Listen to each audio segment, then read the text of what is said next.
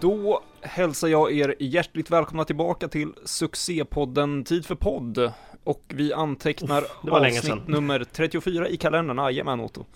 Eh, när vi är tillbaka från ett litet uppehåll och eh, kommer framöver leverera några avsnitt under sommaren och eh, jag heter Emil och har i vanlig ordning sällskap av tre andra herrar varav en som ni nyss hörde. Och vad heter ni egentligen? Ja, Otto heter jag. Egentligen heter jag Rickard. Och Emanuel. Mm. Hur är läget med er sen, eh, sen senast vi poddade? Det är bättre än senast vi poddade. För då var det ju lite eh, ledsamt kan man väl säga. Ehm, så det, ja, det är bra faktiskt. Väldigt bra. Ja. Nej men det är väl, eh, jag, jag gick ju in nu med en liten downer. För jag åt en så jävla äcklig hamburgare på väg hem. Eh, Vilken var det? det var en jävla kiosk på, i Kungsträdgården. Det smakade kack.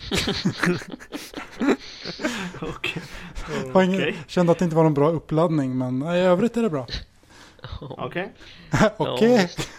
Det är bra att vi gör så bra reklam för vi är definitivt inte sponsrade av någon i alla fall. Vi sitter och sågar allt annat istället. Det är bra. Vad var det för, var det någon känd restaurang eller var det bara Nej en- det var, jag, det var bara en kiosk. Som jag Ja, på väg hem. Mm. Ja, med mig är det typ eh, ja, fem av tio. Det är varken eller. Det är, ja, det är sommar men eh, jag vet inte, jag har ingen sommarkänsla än. Och eh, ja, det, det, det är bra. Det är typ Felix Leiter i slutet på License to Kill. Det är okej. Du är rätt nöjd ändå alltså. Ja, Ja. Ja. Om din uppladdning Rickard varit lite sådär så kan väl jag börja köra in något som har varit väldigt mycket bättre, nämligen en mexikansk läsk vid namn Jaritos. Smak av mandarin, det kan jag rekommendera. Va? Va? jaha. Jaha. Eller Jaritos heter det väl på utrikiska. Ja. Eh, så, Eller på danska. Reru! ja, exakt. eh, så eh, köp den, den var god. Eh, Och var hittar vi den? På, eh, vad hette det, Soda Nation, eller vad hette det? Ja. Fick vi in lite positiv reklam också? Jajamän. Välsorterade matvarubutiker som alltid allt säljs på i alla reklamer. Ja, ja det, det, här är en, det här är en läskbutik på Södermalm i Stockholm. Så har ni vägarna förbi och vill ha- smaka exotisk läsk från eh, Mexiko, så åk dit. Det här låter verkligen som någon sorts reklaminslag. Ja, exakt. Ja, herregud.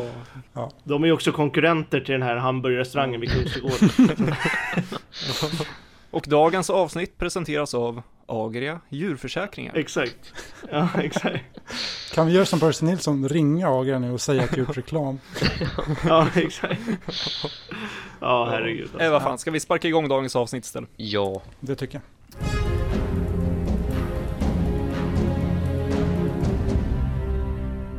Och eh, idag så hade vi tänkt att eh, eh inleda uppehållet med eh, att snacka om det som inleder varje Bondfilm, nämligen inledningssekvenserna. Eh, eller pre-title sequence som det heter på utrikiska. Vi kommer väl säkert använda bägge uttrycken idag, så det är helt enkelt tid för inledningssekvenser Royal. Eh, och jag tänkte att vi kan inleda stort och försöka att deducera fram något konkret sen, men så jag tänker så här, blunda nu. Och så börjar ni tänka bort till den här äh, drömbondfilmen, den som bara finns i ert huvud. Den som ni brukar, dagdrömma om på långa bussresor, morgonpendeln eller på soffan på en lördag eftermiddag. Den. Gunbarren kommer och sen så eh, utökar sig den vita, vita cirkeln och så börjar inledningssekvensen. Då vill jag veta, vad ser ni? Hur, hur ser den perfekta inledningssekvensen ut? Hur, eller vilka ingredienser ska den ha? det ska vara lågmält och mustigt. Det ska sätta ton för filmen. Och eh, jag ser gärna en återgång till de mindre pre-sekvenserna. Och eh, ja, gärna att Bond Bond gör någonting han, han sitter i knipa helt enkelt och måste ta sig ur och det ska vara lågmält det ska vara spionigt och mörkt så ser min dröm Gun Barrel ut men det är ju inte riktigt det vi har blivit serverade av de senaste 55 åren Nej. Ja, men jag är ju inne på helt samma linje. Alltså jag, det är ju, jag tycker ju att det ska vara en viss mån av smyg, bond och en lågmäld spänning i inledningen. Eh, som gärna bygger eh, mot ingen liksom bombastisk actionsekvens. Det räcker med ett slagsmål eller något som, som bara är en liten försmak inför vad som kommer senare i filmen. Att det är liksom den måste vara helt i samklang med resten av filmen. Eh, och då är just det här lite smyg spänningselementet ett väldigt bra sätt för att, för att fånga intresset inför ja, resterande av filmen. Eh, och det är liksom lite, ja, men lite mörka, lite... Ah, det, är väldigt, det är väldigt mysigt. Jag mm. är väl inne på helt samma linje. Jag vill lägga till ett par grejer på det ni har sagt. Eh, och det är att den ska den ska gärna hålla sig till en plats, en location. Det ska liksom inte vara tre platser som man hoppar mellan. Jag vill ha den på, fokuserad på en plats, lågmäld och den får absolut inte vara för lång. Och sen, den jag sagt, den måste kännas bondigt. Eh, och sen så är det, tycker jag också det är viktigt att den känns sammanlänkad med övriga filmen i eh, stilen och känslan. Så är det här med att det ska vara mörkt, jag vill ju ha det, men det är också för att jag kanske inte vill ha jättemuntra filmer. Jag gillar ju när det är lite mer gritty Bond liksom. Eh, mm. Men eh, är det en lite mer munter eh, Bond-film, låt säga en typisk Roger Moore-film, ja men då kan väl Pre-Titan också sen kännas lite mer muntrare än att ha ha en mörk känsla, för det är viktigt att det ändå känns sammanlänkat med övriga filmen. Ja, nej, det, jag håller med. Jag tycker det är Pre-titeln eller inledningen ska ju ha med filmen att göra rent stilistiskt och gärna storymässigt också. Eh, och sen gillar jag också det som är eh, med i en del av, eh, alla fall i ett par av inledningssekvenserna, att, de, att man successivt eh, visar Bond. Att han inte bara kommer in direkt, utan jag gillar när man får gissa sig till lite vem som är Bond och sen revealas han på ett eh, väldigt häftigt sätt. Eh, alla The Living Daylights till exempel. Det tycker jag väldigt mycket om. Så det vill jag, det vill jag gärna ha i min, i min dröminledning. Annars har ni nästan sagt allt. Jag tycker det är, behöver inte vara så bombastiskt. Gärna action ändå men eh, ingen, eh, inget slagsmål på Liparus mm. liksom. Så att eh, det, ja, det, det, det vill jag ha. Men det är som Emil säger, det är såklart inte kan vara så enkelspårigt att det alltid ska vara mörkt. Liksom. Ehm, det är väl bara att om filmen i övrigt är ganska ljus då måste ju det speglas i inledningssekvensen. Mm. Ehm, men jag tror att det viktiga för mig är just det här eh, att det inte blir för storslaget. Nu ska jag säga, jag gillar eh, vissa inledningssekvenser som har de elementen också. Men det hänger så mycket på om actionsekvensen i sig funkar, om den är underhållande. Då tycker jag att det ofta blir en bra inledningssekvens. Mm. Även om den kanske inte riktigt länkar samman eh, med det som kommer sen. Men nu är det drömbilden och det är ändå något mer lågmält. Vad eh, säger ni om det som Otto var inne på med att eh, skänga ihop rent story och plottmässigt med resten av filmen? Eh, ser ni, eh, Emanuel och Rickard, ser ni också det som någonting som en eh, bra inledningssekvens bör ha? Alltså, ja, ja, jag tycker nog det. Ja. Mm, det jag tycker inte att det måste, det måste inte, absolut inte vara storymässigt. Men det måste finnas någon sorts länk. Eh, antingen om det är en karaktär eh, som Bond möter första gången. Eller om vi introduceras för skurken. Eh, det, jag tycker inte det är nödvändigt att, att storyn dras igång där. Men det måste finnas någon sorts koppling i alla fall till resten av filmen. Annars tycker jag att det känns lite, inte helt intressant. Nej, precis. Jag försöker tänka att det är väl bara Goldfinger och Octopus där pre-sekvensen inte hänger ihop med filmen i övrigt. Alltså rent handlingsmässigt. Ja. De har ju verkligen ingenting med resten av filmen att göra. Det är ju väldigt um, minoritet, minoritet i alla fall. Ja, men den typiska nidbilden av en... liksom. Ja, men precis. För man brukar ju tänka det att de här öppningssekvenserna inte har något med filmen att göra egentligen. Att det är liksom traditionellt. Men så är det ju verkligen inte. Alla har ju nästan det. Ja, men precis. Det är väl fler än så va? Som eh, inte hänger ihop alls eller? Ja. Det är väl eh, Thunderball? Ja, de, Mm, For yours only är väl det? jag tänker där inte, ja For Your Eyes Only i och för sig. Jag tänker annars där det inte nämns överhuvudtaget. I Thunderball där nämns i alla fall Jacques Bovard senare i filmen. Men ja, Mm. men ja, nej jag tycker det ska hänga ihop med filmen på något sätt i alla fall. Med tanke på att nu för tiden när titelsekvenserna är så pass långa så är det viktigt att de Sätter en tydlig ton för filmen direkt och vad den ska handla om eller vad den ska vara om Och då är det onödigt att slösa bort tid i övrigt om, genom att göra någonting annorlunda eller något Mm. som inte hänger ihop Ja. Om vi vänder på det då, finns det någonting som gör att händer det här, då är det direkt en dålig inledningssekvens? ja, det finns ju massa saker som är ganska självklara men om man tänker saker som har hänt ehm, i scenerna som, inte som inte är så bra kanske. Ja, men alltså om, man- om man tänker mer en, en generell grej, eh, Ja, exakt. eh, ett sätt att göra Exakt. film på eller nå- någonting som, som Mm. får dig avtänd. Nej, men det är, ja, jag, tänkte, jag tänkte nog säga att det är nog just tvärt emot det vi sa precis. Att det får inte ha liksom, det får inte vara helt frånkopplat från filmen. För då blir jag helt, då kan de lika gärna visa en trailer för Avengers eller något innan istället för att ha en pre-title. Det blir liksom helt ointressant för mig om det inte har någonting med, med någonting Ja. att göra. Liksom. Uh, ja, jag blir rätt avtänd om de är för långa. Uh, jag tycker att för mig är någon sorts idealtid inte, är inte längre än 5-6 minuter. Och det senare, senaste filmerna, eh, uh, eller senaste 20 åren så har de ju varit väldigt mycket längre än så. Och det är liksom inte ett bra startskott för mig. Jag, det känns som att jag trubbas av när man börjar ticka över 10 minuter där. Då, då är det inte den här korta, koncisa, liksom lilla startskottet som jag behöver för att komma in i filmen ordentligt.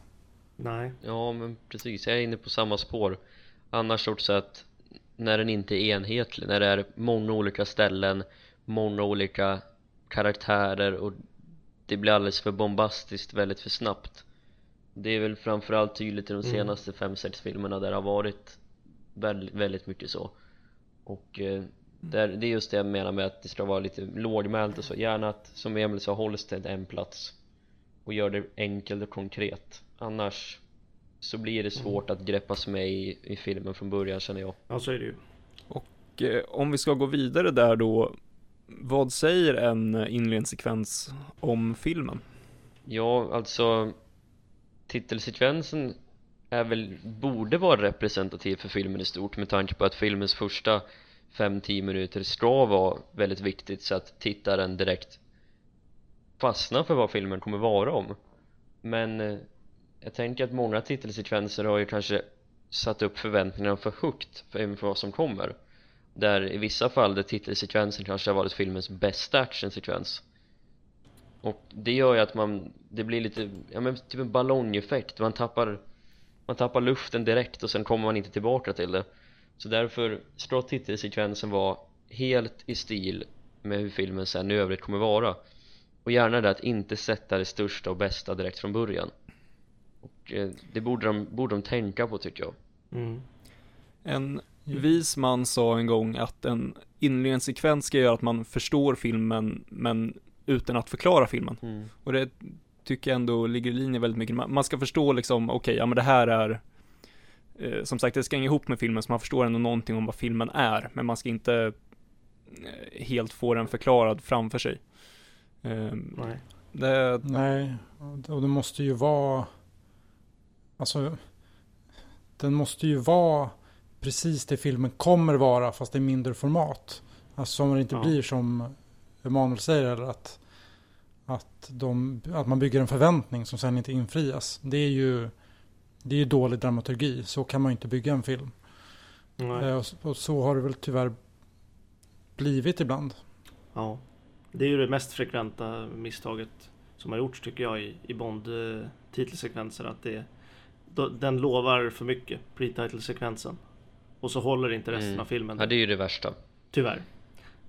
Det finns ju egentligen bara en eller en ska jag inte säga men det, det fi- finns en titel, eller förtextsekvens som jag verkligen tycker om som, som är väldigt storslagen och det är ju The Spy Who Loved Me som ändå mot, där filmen ändå motsvarar det för hela filmen är ett epos liksom. ja Ehm, Så att det, det, där fungerar det ändå lite grann. Men det är inget man ska sträva efter för det är väldigt svårt att eftersträva en inledningssekvens typ som den i The Spy Who Loved Me. Ja men så är det ju för när man tittar på behind the scenes material till Bondfilmer och framförallt de senaste fem, sex stycken så är det, det är som att alltid producenten och regissören säger We have to make it big immediately.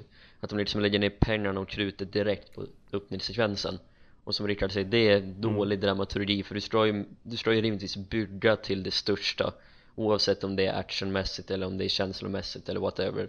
Det största ska komma i slutet och Ja. inte i början. Mm. Och jag menar, Ja, ja, det, det känns som att The Spy Loud Me är nidbilden av det de, eller ja, det de ve- verkligen vill sträva efter att bli För de vet att det är en så pass ikoniskt storslagen scen Mm. De har, de har Exakt. försökt göra den om och om igen men aldrig riktigt lyckats Och i vissa fall så ändrar de till och med i klippningsstadiet som på The World's Not Enough där tanken ju inte var att båtjakten skulle vara med, men så såg de filmen och tänkte nej det här måste vara större. mm. Det räckte inte med Bilbao. Nej. Nåväl, nu när vi har gått igenom lite här vad, vad vi vill eh, ha och vad vi vill se, så kan vi gå in lite på det här. Vilka är våra favorit eh, inledningssekvenser och eh, ja, kanske lite varför också. Jag har ju alltid haft två stycken i alla fall som jag vet har varit mina favoriter och det är ju Goldfinger och uh, The Living Daylights. Uh, som, ja, jag tycker de sätter tonen väldigt bra för, för eh, filmen. Speciellt The Living Daylights tycker jag är, är exceptionellt bra på det.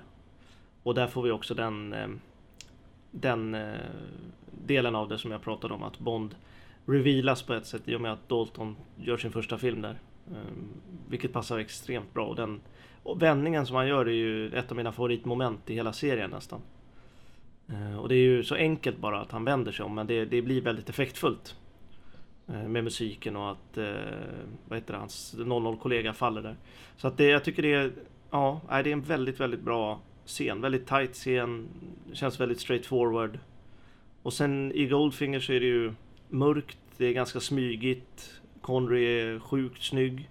Jag gillar fighten i slutet. och eh, en bra one-liner också på slutet av den. Så att, nej, det är två väldigt bra inledningar som sätter standarden för filmerna. Tycker jag. Ja, jag kan bara hålla med med Otto. Det är liksom Goldfinger och The Living Daylight som speciellt står ut för mig eh, På grund av de anledningarna som Otto precis tagit upp. Eh, Det är de jag alltid mest ser fram emot liksom när jag tänker på en titelsekvens eller när jag sätter igång filmen då är det som där kommer Där kommer någonting väldigt bra och, och det bästa med dem är att det blir bättre senare också. Eh, Framförallt i Mm. Goldfinger då för min del så bygger det till att bli bättre senare. Men sen, jag gillar, jag gillar även Tomorrow Never Dies öppningssekvens Den är rätt underskattad, där bärs det mycket på grund av Pierce Brosnans prestation och musiken och kanske framförallt. Och sen är det svårt att ogilla eh, Casino Reals också som är otroligt dämpad och mörk Precis på det viset jag vill se en titelsekvens, eller en öppningssekvens. Ja, jag har en, en topptrio som jag tycker står ut och det är just eh, Living Daylights, också av anledningen ni säger. Ehm, den bygger väldigt snyggt, eh, en extremt bra actionsekvens som trots hur bra den än är toppas senare i filmen. Och ehm, ja, hela liksom att den också bara visar en gnutta av storyn på ett väldigt simpelt sätt i början. Mm, verkligen. Med smedspionen. Ja, exakt. Sjukt snyggt faktiskt. Och sen eh, har jag ju From Russia With Love och Secret Service också uppe i min topp. Eh, Mm. Men det, From Russia With Love har ju den där extremt härliga smygkänslan. Eh, liksom mörk och lite liksom den, den försöker inte så mycket. Den är ganska enkel men effektiv. Det är precis en sån där miljö som jag verkligen älskar att se Bond i. Och sen eh. Secret Service är för att jag, det är min favoritfight i hela serien. Eh, så att jag tycker att det är en liksom magnifik öppning. Också hur de revealar Lazenby tycker jag funkar jättebra. Mm, det är ju precis samma grej som jag menar där. Det vill jag gärna se i en, i en inledningsscen. Precis. Det är fantastiskt bra alltså. Ja, jag har ju alltid haft en inledningssekvens som ohotad detta egentligen och det är From Russia With Love. Den gör exakt allt som jag vill ha i en inledningssekvens. Sen har ju ni nämnt flera stycken utav mina favoriter med, Living Daylights eh, bland annat. Jag skulle väl kanske vilja lägga till det också att eh, en grej som gör den så pass bra för mig det är att Även om det är ganska en storslagen plats, det är Gibraltarklippan och eh, de hoppar fallskärm in och allt det här, men det är fortfarande ändå ganska nedskalat, det är Bond mot en person. Det är Mm. inte som i Tomorrow Never Dies där det är Bond mot 50 eller 30 eller hur många de nu är. Det är fortfarande nedskalat. Det är Bond mot en, mycket är på liksom eh, i en bil. Det, det är ändå nedskalat på det här sättet. Secret Service håller jag också med om. Casino Real, helt fantastisk. Sen tycker jag att Goldfinger är överskattad. Och det är en till titelsekvens som jag skrev upp eh, på den här punkten som ni inte har nämnt, som jag vill lyfta fram lite, och det är Thunderball. Och där tror jag att jag kommer få mothugg. Men jag älskar den på alla sätt och vis. Jag tycker fighten är helt makalöst bra. Lite minus till eh, jetpacken som är larvig, men eh, i övrigt så tycker jag den med gör mycket av det jag vill se eh, utav en Bondfilm. De får till och med in, in vatten på slutet med en snygg övergång in på eh, förtexterna, så man får in det med, eh, ja, den gör väldigt mycket av det jag vill se. Ja, det var som du och jag sa Emil att eh, eh det finns nästan ingen, ingen titel, förtextsekvens som är riktigt, riktigt bra eller inledningssekvens som är riktigt, riktigt dålig menar jag. Som är riktigt, riktigt dålig. Det är ju liksom kan ju bero på att de just lägger in allt krut i början. För det ligger ju alltså nästan alla inledningssekvenser går ju att se på utan att man liksom vrider sig i soffan. Det tycker jag i alla fall. Nej, sånt brukar ofta komma. Väldigt, väldigt hög nivå faktiskt. Ja, det håller jag faktiskt med om. Mm. Eh, Jag kan inte nämna någon på rak arm som jag tycker så här är, är kass verkligen. Nej. Det är väl kanske Diamonds Are Forever som jag tycker är lite halvdålig liksom. Men annars är det genomgående väldigt bra scener liksom. Även om även de här sista som vi har pratat om som har varit för bombastiska är ju ändå väldigt bra scener om man bara ser det till vad det är. Sen att inte filmen håller vad det lovar, det är en annan sak. Men om man ser scenerna för vad det är så, så vet jag att jag blivit sjukt imponerad av speciellt de två senaste liksom. de är bra i sin egen rätt. Det är, det, Exakt. det är det, Mm. det är därför det är svårt att inte gilla dem. Ja, Eh, och sen när man börjar liksom, det är ju det. Vi sitter ju och analyserar saker och överanalyserar Ja. och då får man en annan vinkling på det. Men om man ser till exempel Skyfalls actionsekvens i pre-titeln bara som den är så är den ju väldigt, väldigt bra. Alltså jag tänker lite som på titelsekvenser, eller eh, öppningssekvenser, fan också. Eh, Öppningssekvenser där man, eh, som, in, som jag inte tänker på liksom Och där är väl You Only Live Twice en sån, jag blir alltid förvånad när jag ser filmen att ja men just det. Det är först kapningen i rymden och sen kommer det med att Bond blir skjuten. För, för mig är det som att det är antingen det ena eller det andra. Och eh, Det är för att det är en sån där sekvens som är tonalt de, de skiljer sig så pass mycket mot varandra, alltså sekvenserna i sig vilket gör den titelsekvensen väldigt splittrad. Samma sak med Moonraker där vi först ser kapningen av Moonraker och sen ser vi Bond falla ur ett flygplan. Eh, så det är väl egentligen det närmsta jag skulle säga är dåligt inom situationstecken. För det är ju som ni säger, ingen öppningssekvens har varit dålig.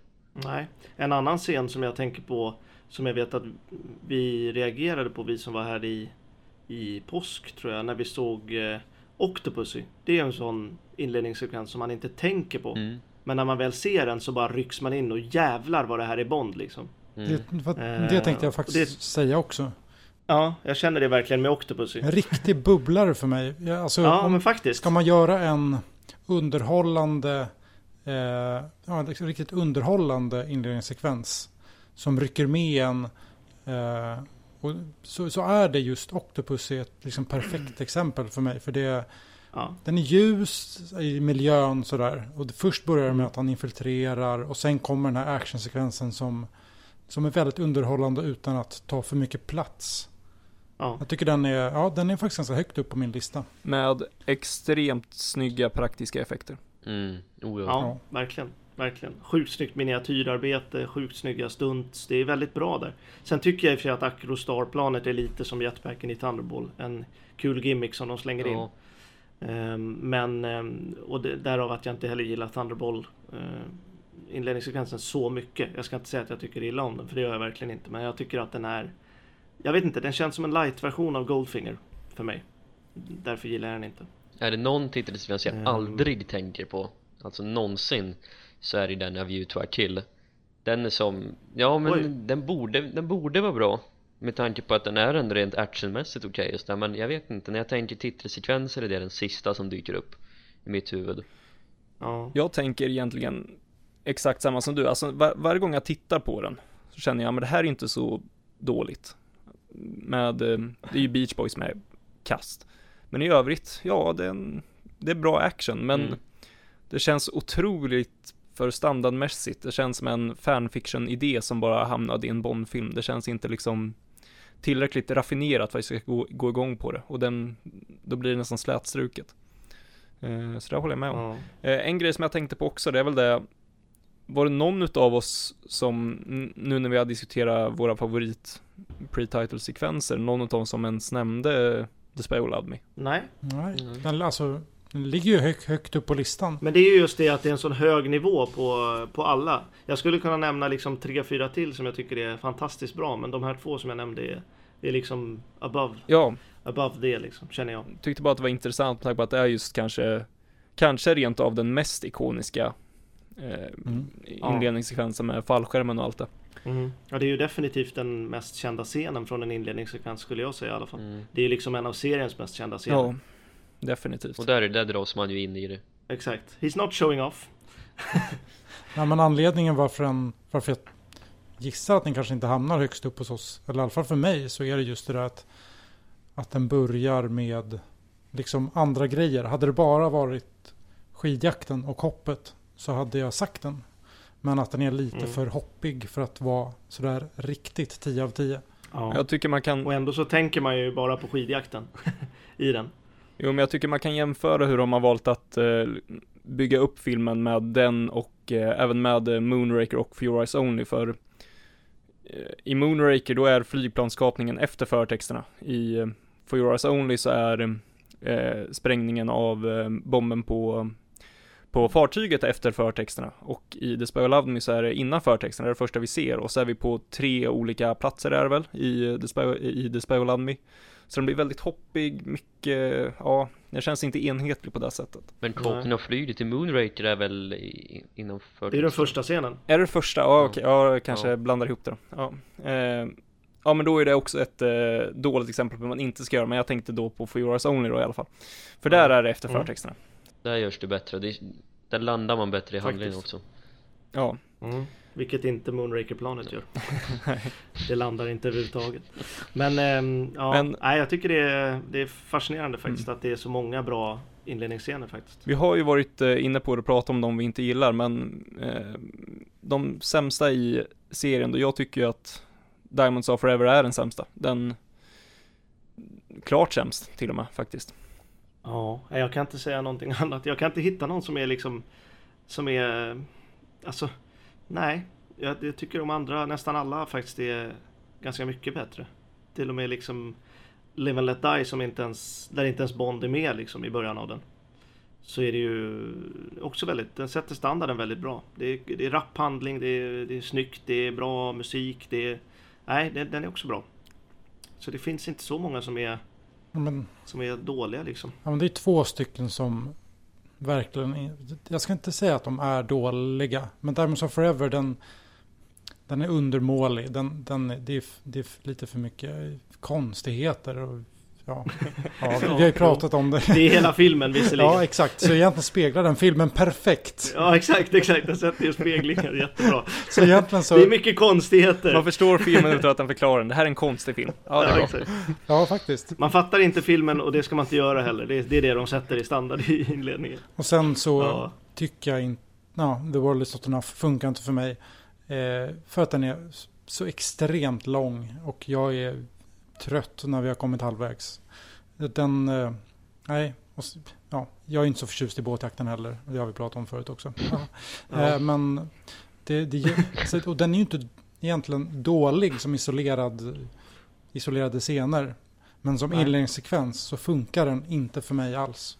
The World Is Not Enough var den andra jag skrev upp och det är helt och hållet på att den är för lång. Hade de bara kapat i Ja. Bilbao så tror jag inte att den hade varit bland de... Nej, då hade den hoppat upp en bra bit. Ja, exakt. Ja. Och den är på tok för lång. Ja, och det är för mycket information som vi får där också i titelsekvensen, eller vad fan också, för Ja,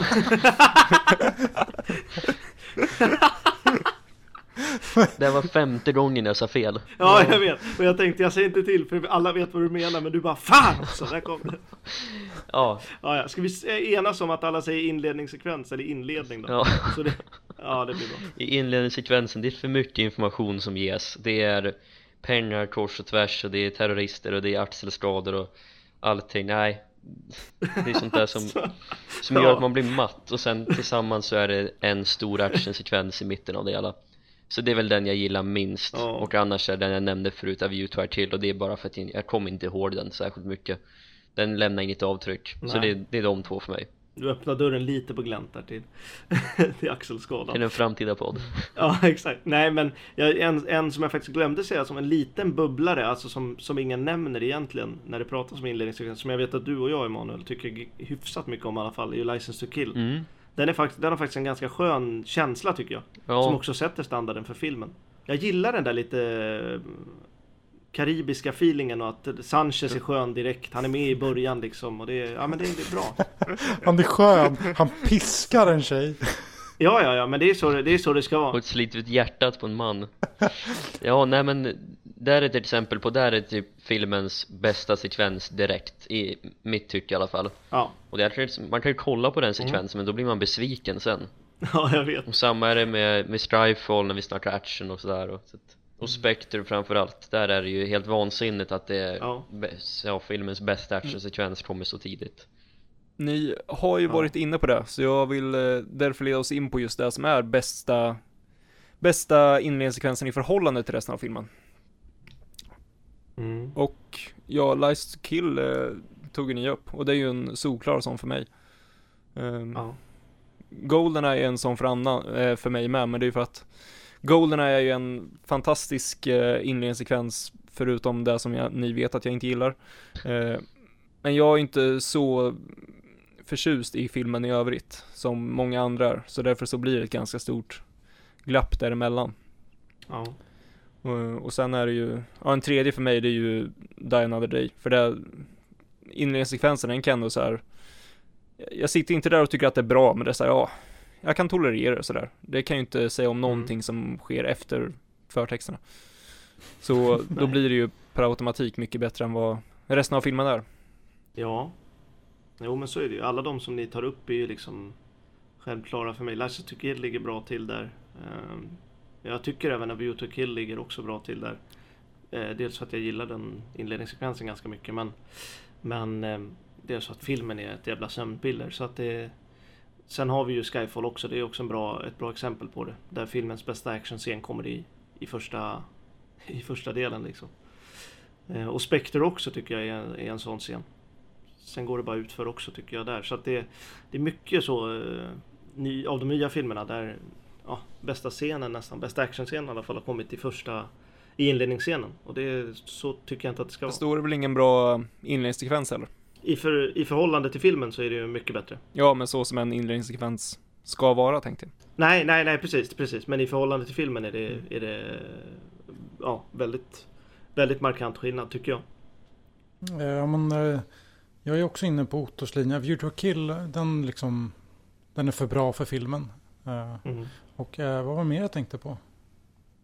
Mm, ja, det, den, den står kanske ut för mig.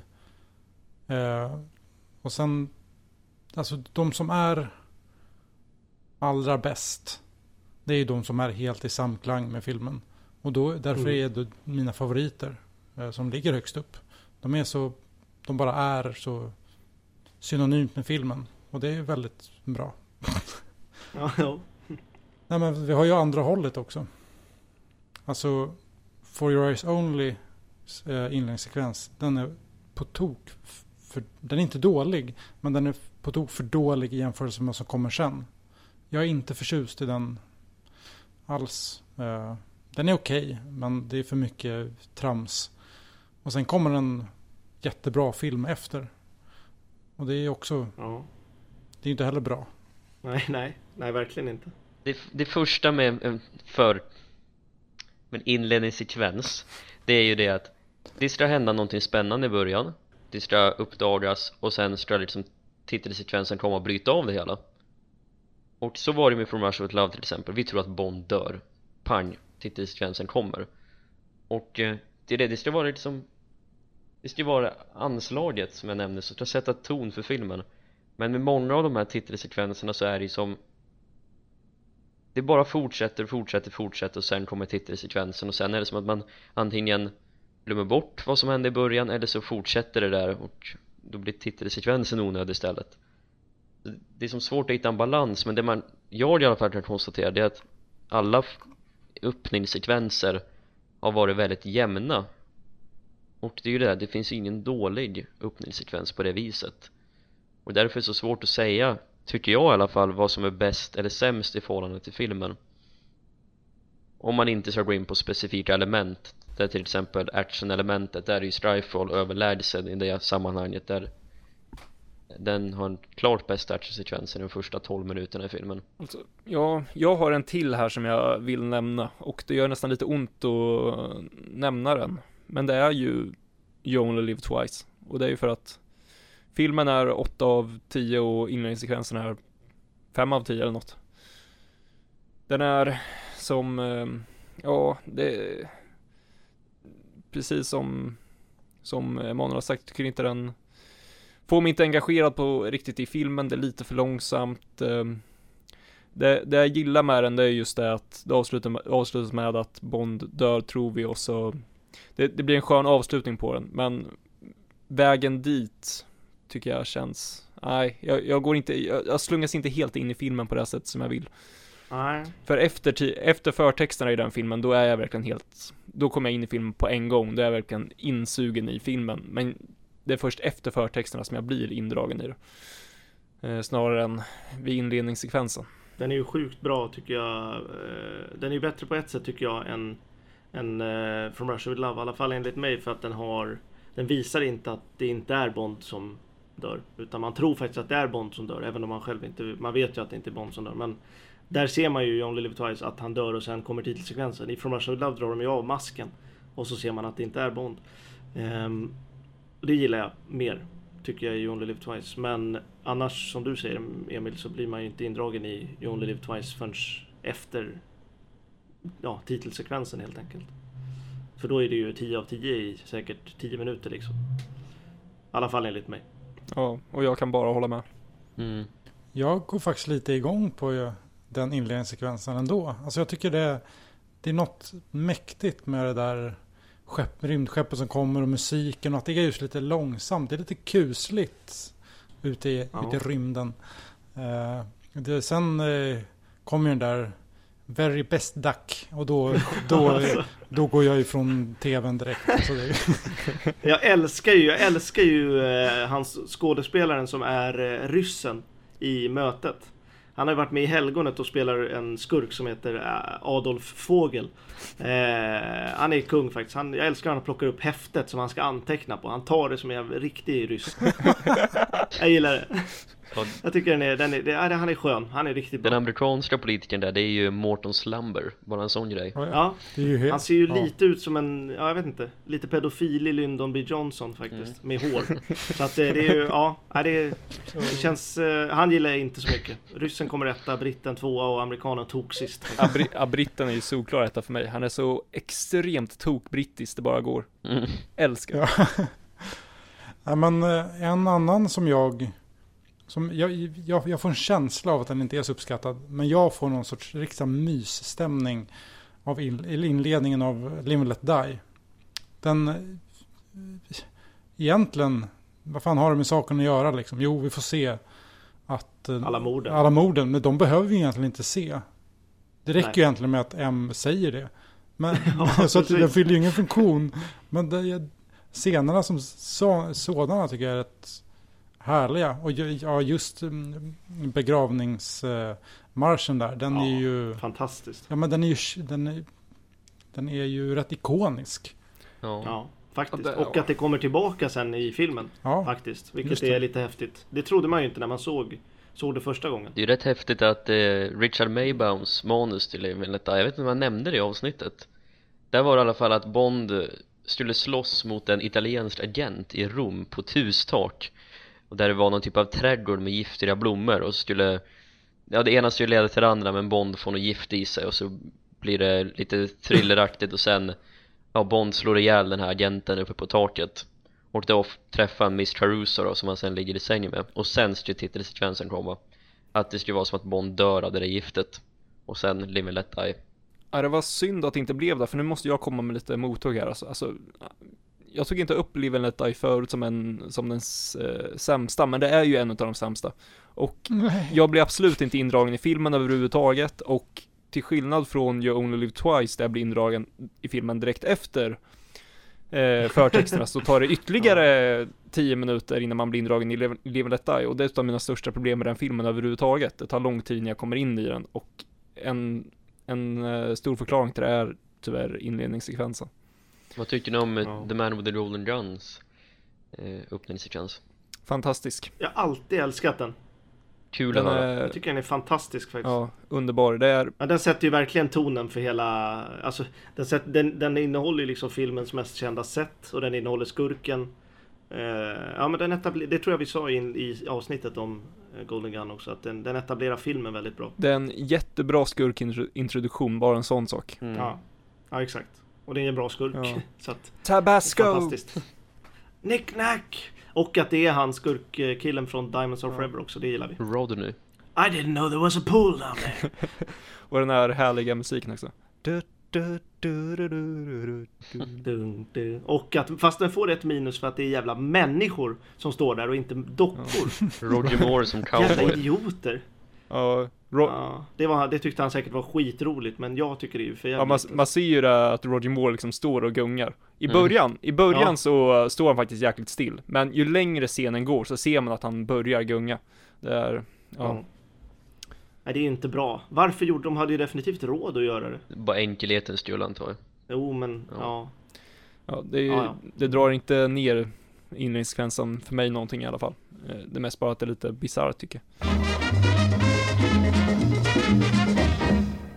Och eh, härnäst så vill jag veta hur eh, utvecklingen har varit för inledningssekvenserna i serien. Det ska du få svar på. ja. Nej men alltså det det enkla, eller det som är mest självklart är ju, de har blivit längre och de har blivit mer actionfyllda och bombastiska. Det är ju, ja, ja det är inte så svårt att se. Eh, bara sådär. Eh, för det är ju, på 60 och 70-talet så var det ganska kort. Eh, men sen har vi det där när de, eh, den lilla trenden med You Only Live Twice The Spy Love Me och Moonraker att de vill visa att någonting kapas och sen ska det in en till scen och det finns ju olika typer av inledningssekvenser. Eh, och de har väl utvecklats med åren. Men att det blir längre och större och svulstigare är ju, det är ju rätt solklart. Ja, jo det är ju det mest eh, tydliga. Eh, från och med, ja, från och med Tomorrow Never Dies egentligen var det väl det tydliga bytet skulle jag säga. Även om Goldeneye har lite smyg.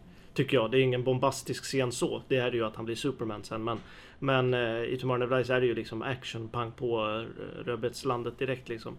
Så att det är ju... Ja, det är ju egentligen då det, då det gick igång. Och sen har det ju varit så ända sen med undantaget Casino Royale. Men ända sen Tomorrow Never Dies då. Så ja, i år är det 20 år. Så att ja, nej, det, det, det är ju den tydliga Speciellt de två sista har ju varit mega bombastiska liksom. Ja, och jag stör mig något så förbannat på all den här jävla actionen som är i inledningssekvenserna numera.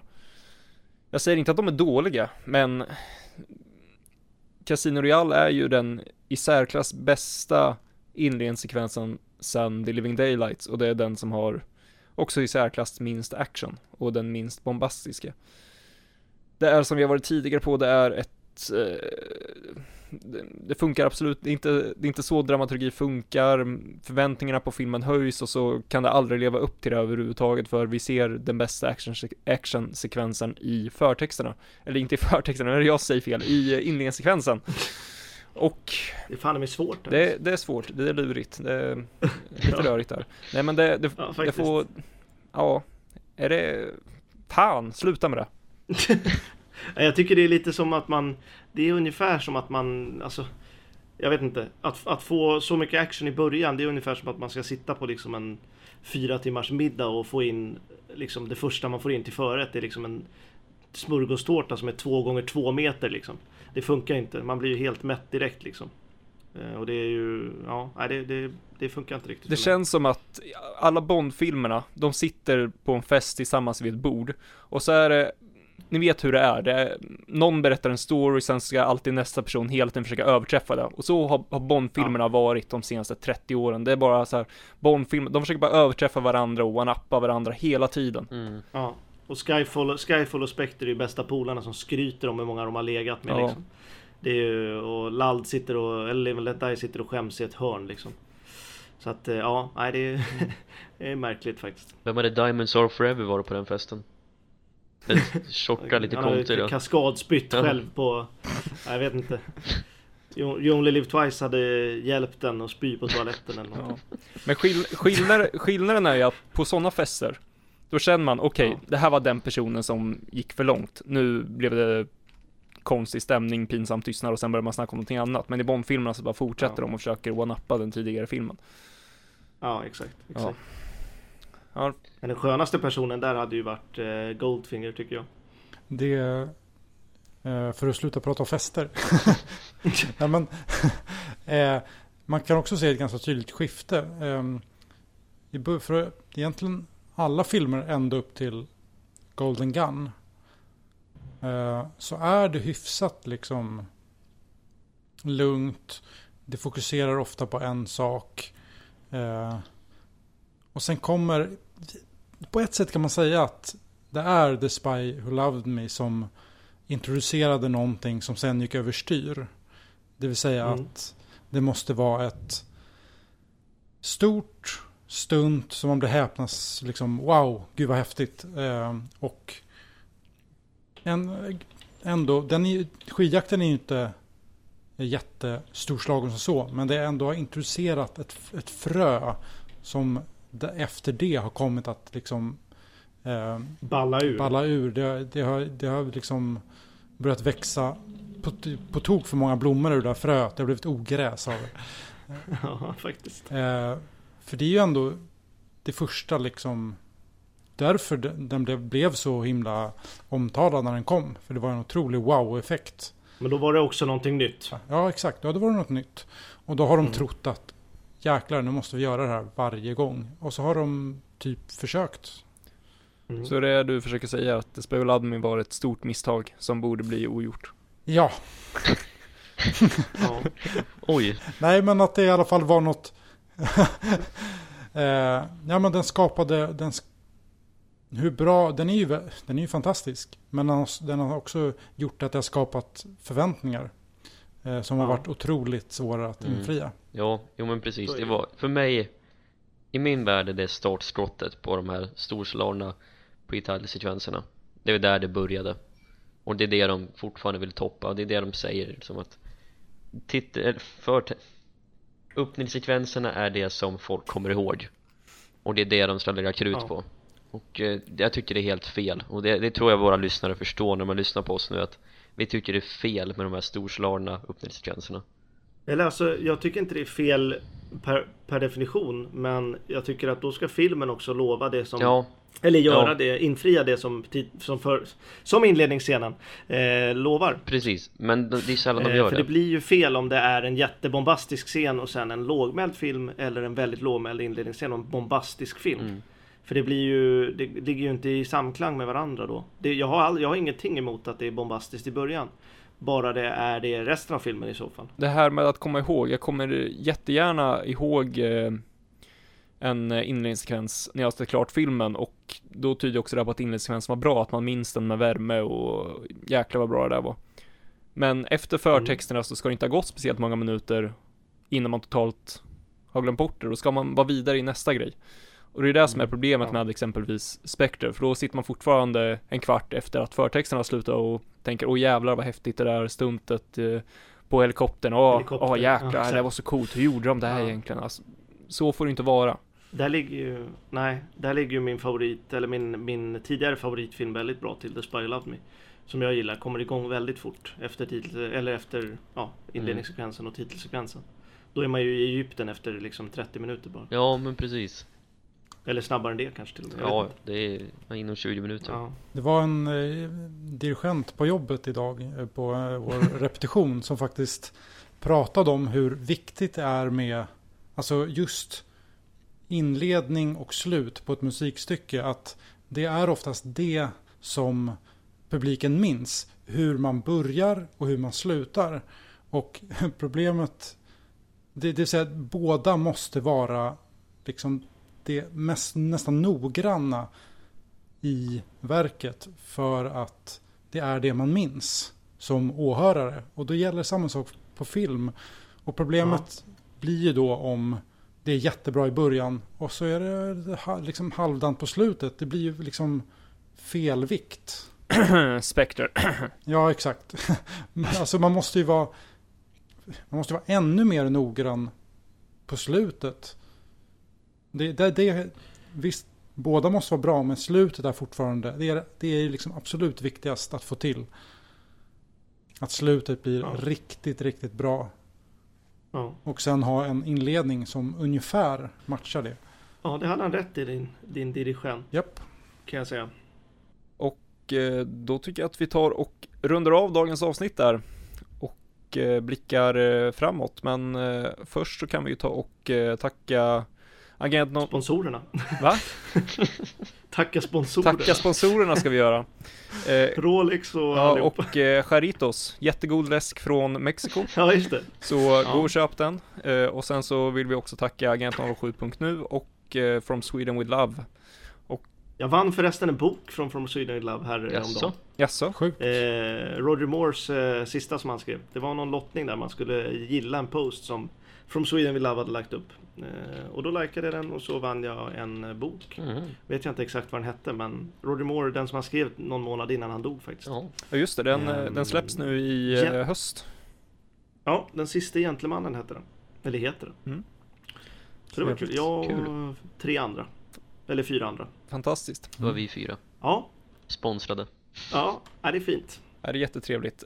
Så nästa gång så tar vi och eh, går vidare i eh, hur en film görs och eh, ja, vad kommer efter en inledningssekvens. Det är där vi snackar om nästa gång.